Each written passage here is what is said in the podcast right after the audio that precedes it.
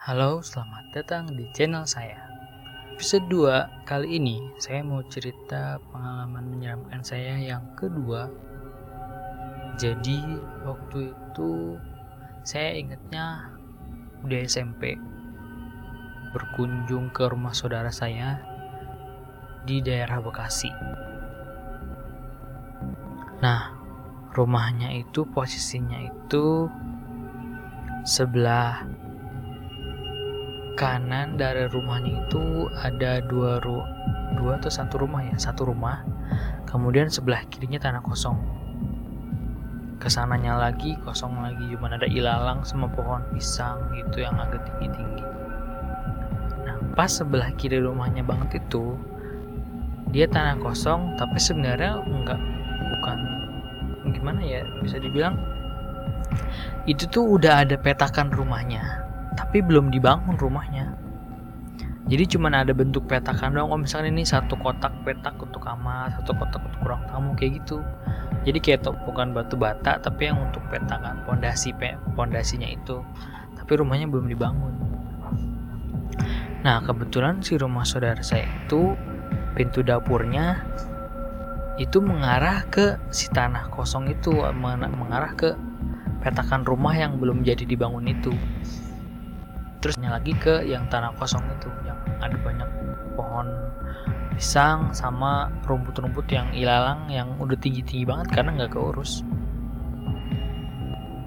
Dan kebetulan si pintu dapurnya itu modelnya itu yang bisa dibuka dua. Jadi kalau misal atasnya dibuka bawahnya bisa ditutup. Gitu. Jadi kayak uh, terbagi dua gitu si pintunya. Kalau atasnya bisa dibuka bawahnya bisa ditutup. Atau maksudnya atasnya terbuka bawahnya ditutup. Atau bisa ditutup dua-duanya. Dan bisa dibuka dua-duanya. Nah kejadiannya itu di malam hari. Saya lupa harinya hari apa. Tapi yang jelas waktu itu uh, saudara saya itu kebetulan kakak dari ayah saya. Saya manggil uak kan Nah, uak saya itu waktu itu pergi sama istrinya itu sama anaknya yang paling kecil untuk saya lupa ada acara gitu kegiatan. Nah, saya di rumah bareng dengan sepupu-sepupu saya kan. E, bertiga. Jadi saya kemudian sepupu saya paling tua, kemudian sama sepupu saya yang paling kecil. Um, karena uang saya lagi nggak ada, terus kita waktu itu kalau nggak salah lagi liburan kita begadang dalam arti nonton TV lah sampai malam gitu. Kita nonton TV sampai malam terus saya lapar kan. Saya lapar minta suku saya untuk masak mie. Akhirnya masak mie lah kita makan bareng-bareng. Nah setelah masak mie itu udah selesai nih ceritanya saya makan ma eh, makan mie tuh. Udah matang tuh mie nya terus udah udah mau udah dimakan. Saya kan mau naruh mangkoknya itu ke dapur ya. Pas saya mau naruh ke dapur oh iya jamnya dulu ya. Saya inget sih waktu itu malam ya sebelas setengah dua belas lah. Untuk ukuran anak SMP yang kalau salah kelas satu itu kayaknya jam sebelas atas setengah dua belas itu kayaknya udah malam banget ya udah lewat dari jam tidur gitu. Karena kan biasanya jam 10 lah paling mentok. Karena liburan itu setengah 12 kita masih masih baru selesai makan nih. Mangkoknya juga saya masih ingat banget. Mangkoknya warna putih terus yang ada gambar ayam jago. Kalau kalian masih inget zaman dulu kayak tukang jualan mie, ayam nggak tuh ya sekarang kayak gimana. Tapi kalau kalau ada yang jual bakso atau mie ayam pasti ada aja mangkok putih yang gambarnya ayam jago gitu. Nah itu mangkoknya saya mau taruh dapur. Mangkoknya saya mau taruh dapur. Jadi dari jadi denah rumahnya itu begitu pintu masuk itu langsung ruang depan terus sebelah kanannya kamar satu ke belakang lagi ruang tengah rumah sebelah kirinya itu. Nah dari ruang tengah itu ke dapur tuh satu garis lurus gitu. Jadi dari ruang tengah ada pintu terus ke dapur nah pintunya itu nggak pakai pintu. Jadi kayak cuman apa sih sebutannya? Kusen atau apa ya? Bentuk pintu itu cuman pakai hording atau kain gitu kan. Nah saya mau naruh nih si mangkok yang setelah saya tadi saya makan. Pas saya mau naruh tek. Saya belum biar ketemu saya belum benar-benar keluar dari dari dari pintu yang mau ke arah dapur itu jadi kayak baru berapa langkah gitu dua atau tiga langkah tek. Nggak tahu nggak tahu kenapa saya pengen nengok aja ke sebelah kanan. Nah si posisi pintunya yang dapur itu yang saya bilang tadi yang yang bisa dibuka salah satu itu itu kebuka. Jadi yang atasnya belum ditutup. Saya begitu jalan ke dapur mau naro mangkok yang bekas tadi saya makan nggak tahu kenapa pengen nengok aja ke sebelah kanan dan ke si pintu itu. Begitu saya nengok saya kaget. Saya kaget hampir mau ngejengkang ke belakang gitu ya karena spontan aja gitu kaget gitu. Mau loncat ke belakang gitu. Nah kebetulan ke belakang saya kan berarti ke ruang tengah lagi kan yang ngelewatin pintu itu yang ada kain hordengnya itu penutup tirainya itu. Kaget. Yang saya lihat apa yang saya lihat itu kayak kuntilanak atau wewe gombel mungkin ya. Nggak tahu itu kuntilanak atau wewe gombel tapi yang jelas mau terbang kayak mau terbang gitu.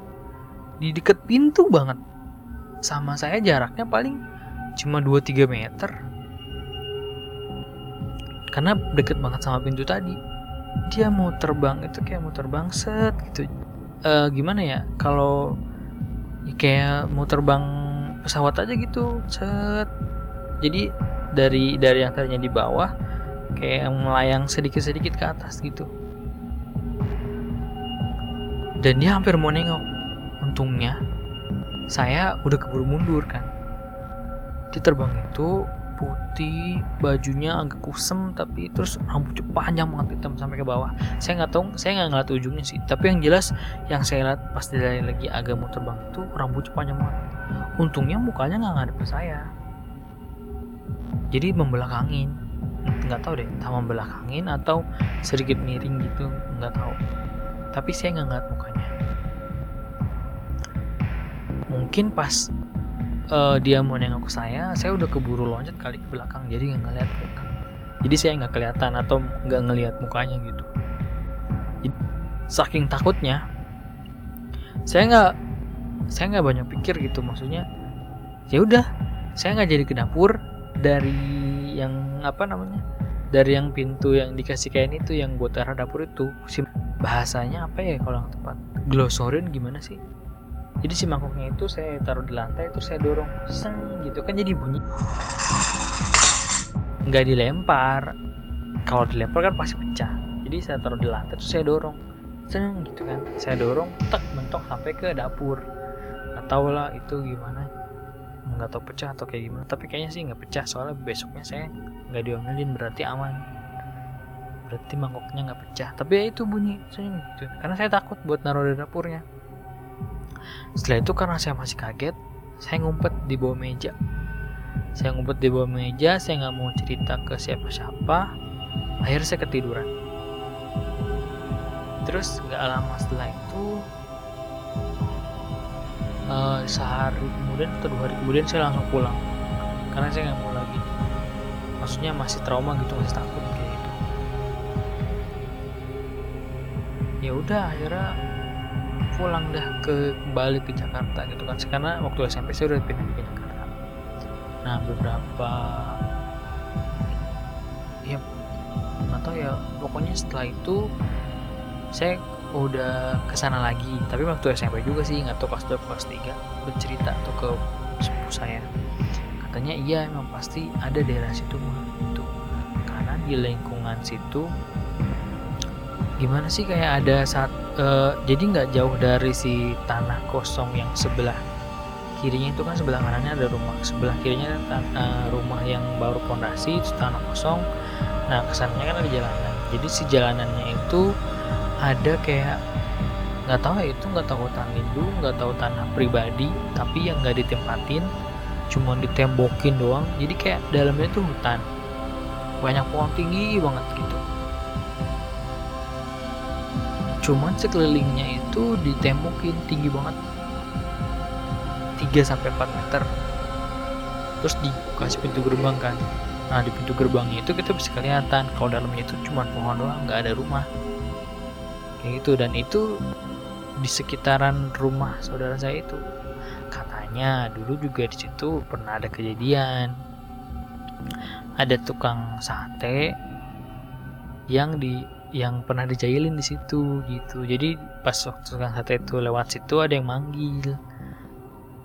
Ada yang manggil dari arah yang si apa namanya hutan itu seperti itu. Oh jadi pantasan aja gitu. Lingkungannya masih apa ya masih lumayan serem gitu. Karena waktu itu belum terlalu rame sih. Udah banyak rumah-rumah tapi agak sedikit jauh-jauh kan belum terlalu padat. Ya udah akhirnya jadi nggak terlalu gimana ya? Oh ya udah berarti emang bener yang waktu kejadian kayak gitu tuh bisa aja sama. Maksudnya uh, bisa bukan cuman bukan cuman apa ya bukan cuman halusinasi atau kayak gimana tapi beneran ada gitu. Karena dari cerita sepupu saya dulu juga pernah ada kejadian di daerah lingkungan situ yang melihat. Ih serem banget. Itu aja sih untuk cerita di episode kali ini. Kalau kalian punya cerita dan mau saya bacakan atau mau saya ceritakan atau kalian mau ngirim suaranya langsung silakan aja. Nanti saya uh, kalian bisa kirimnya ke alamat email di deskripsi. Terima kasih telah mendengar